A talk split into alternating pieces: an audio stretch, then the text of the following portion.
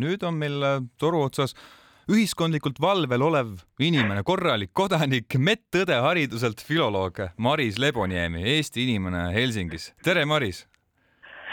tere hommikust, väga hästi esitletud kohaliku valve eestlast. just, ma saan aru, et sina oled äh, jälginud Soome valimisi pingsalt, aga nagu sa tead, siis Soomes olid nädalavahetusel veel ühed olulised valimised. Te valisite endale ühe eurolaulu, kus aluspükstes mees ringi jooksis ja, ja, ja inimeste südamed niimoodi murdis, et äh, suida, suisa siis Eurovisiooni lõppvõistlusele pääses.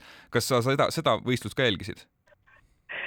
Seda võistlust ma ise otseselt ei jälginud, kuna sattusin just sel hetkel olema Eestis, aga minu abikaasa on lubanud endale juba vastavad aluspüksid või, või lühikesed püksid osta no,. nii et tegu on väga populaarse sündmusega tõesti ma,. Maris, ma saan aru, sa elad Soomes, sinu abikaasa on äh, soomlane kumb siis nüüd kuidagi rohkem kõneainet kohalike inimeste seas on tekitanud, kas see eurolaul või siis presidendivalimised?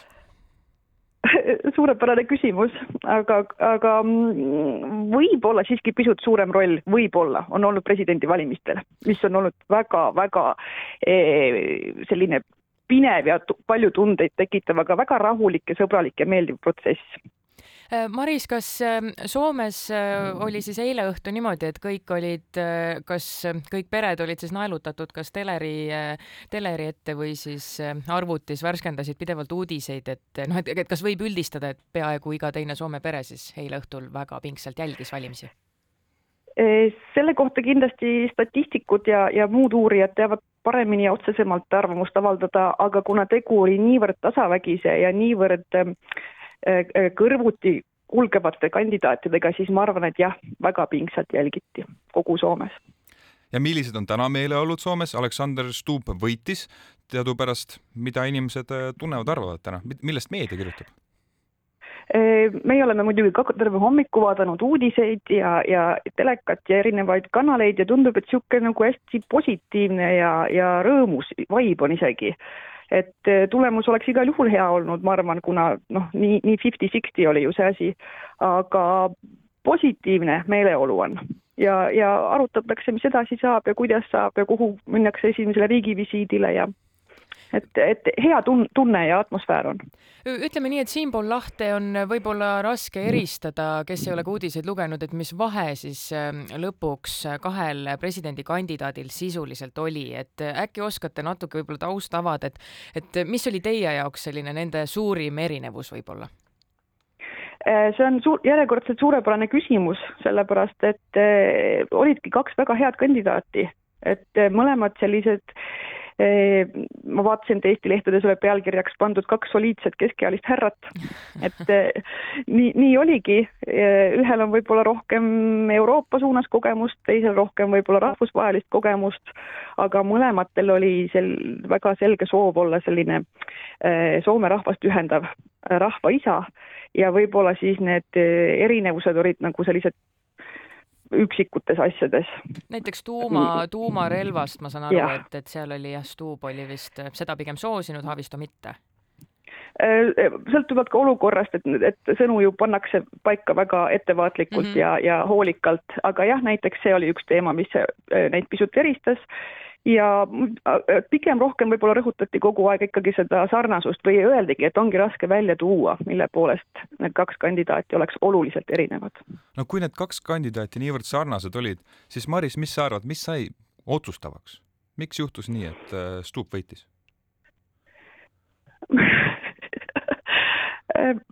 ka väga raske öelda, ikkagi võib-olla ma tõesti, ma, ma, ma mõtlesin pisut selle vastuse üle, aga ma vist jään ja jään väga, väga pädevat vastust ei ole võimeline sellele andma, et vahe oli ju tõesti pisike.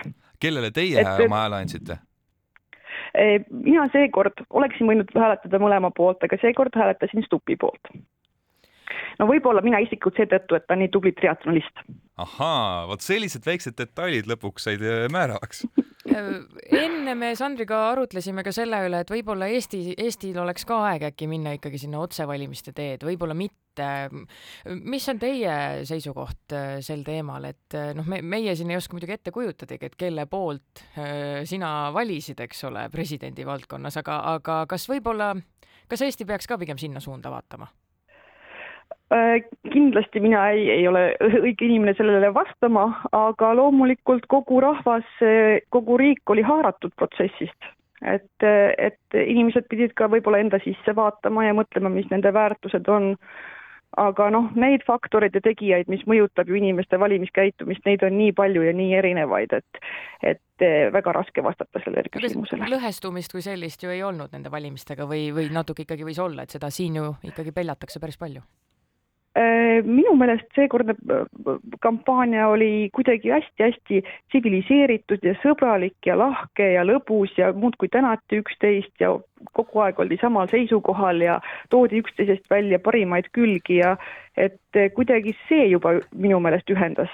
Maris, kuidas see kõik võimalik on, kuidas on võimalik, et ühed valimised lähevad ilma, ilma suurema solvamiseta, ilma suuremate konfliktideta, ilma et oleks suur, suuri reklaame, plakatid äh, tänavatele pandud, kus vastast mustatakse. kuidas teil niimoodi läinud on? Äh, nendest plakatitest veel nii palju, et äh, olen kuulnud, et tänavu või, või seekord isegi valimisreklaame soditi vähem kui varasematel aastatel. Oo, nii et, äh, nii et need valimised on ühendanud Soome rahvast, võiks niimoodi siis öelda, et tõesti siitpoolt paistab kõik väga lilleline ja väga sihuke nunnu.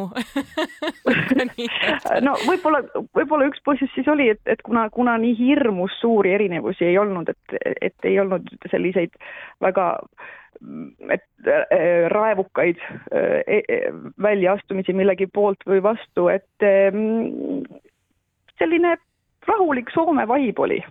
ei, ei tülitsetud ja, ja ka üksteise minevikust minu arusaamist mööda, kas ei olnud midagi välja kiskuda või siis ei kistud. härrasmeeste mäng uhke, uhke. Äh, üks selline küsimus, millele vastasid kaks kandidaati erinevalt, oli veel see, et, et kui äh, kui Vladimir Putin pärast siis äh, presidendiks äh, valimist äh, helistaks ja, ja sooviks õnne, siis kas võtaksite selle telefonikõne vastu? ja ma saan aru, et Stub oli vist see mees, kes ütles, et tema kindlasti telefoni vastu ei võtaks ja Pekka Haavisto oleks vist õnnitlused vastu võtnud. sellised huvitavad no, või... detailid olid nendel, tulid välja nendel debattidel nojah, aga Pekka Haavistol on võib-olla ka pikk, pikk diplomaatiline karjäär selja taga, nii et, et kõik on võimalik või, või siis miski pole võimalik, et ma arvan, et seda kõike hakatakse veel põhjalikumalt lahkama, sest nüüd läks kogu aur läks nende valimisstuudiote ja, ja sibamise peale, sest sibamine, sibamine lõpus oli ikka kõva. Maris, kell on üheksa kakskümmend kolm, nüüd on vist tööle minek? Äh, mina lähen alles öövahetusse, aga kuna on olnud niivõrd pinev hetk see raadios rääkimine, siis ma arvan, et ma võtan nüüd ühe suure kohvi äh, ja sa töötad ju medõena. aitäh, Maris, selle intervjuu eest ja natukene muljeid meiega jagamast. jõudu siis äh, töö, tööööks. hästi suur tänu, oli väga meeldiv ja toredat saate jätku teile ja tervitan isa. kuidas isa nimi on isa nimi on Valdur Müürsepp ja elab Alatskivi alevikus no,. tervitame Valdurit, aitäh, Maris aitäh aitäh teile.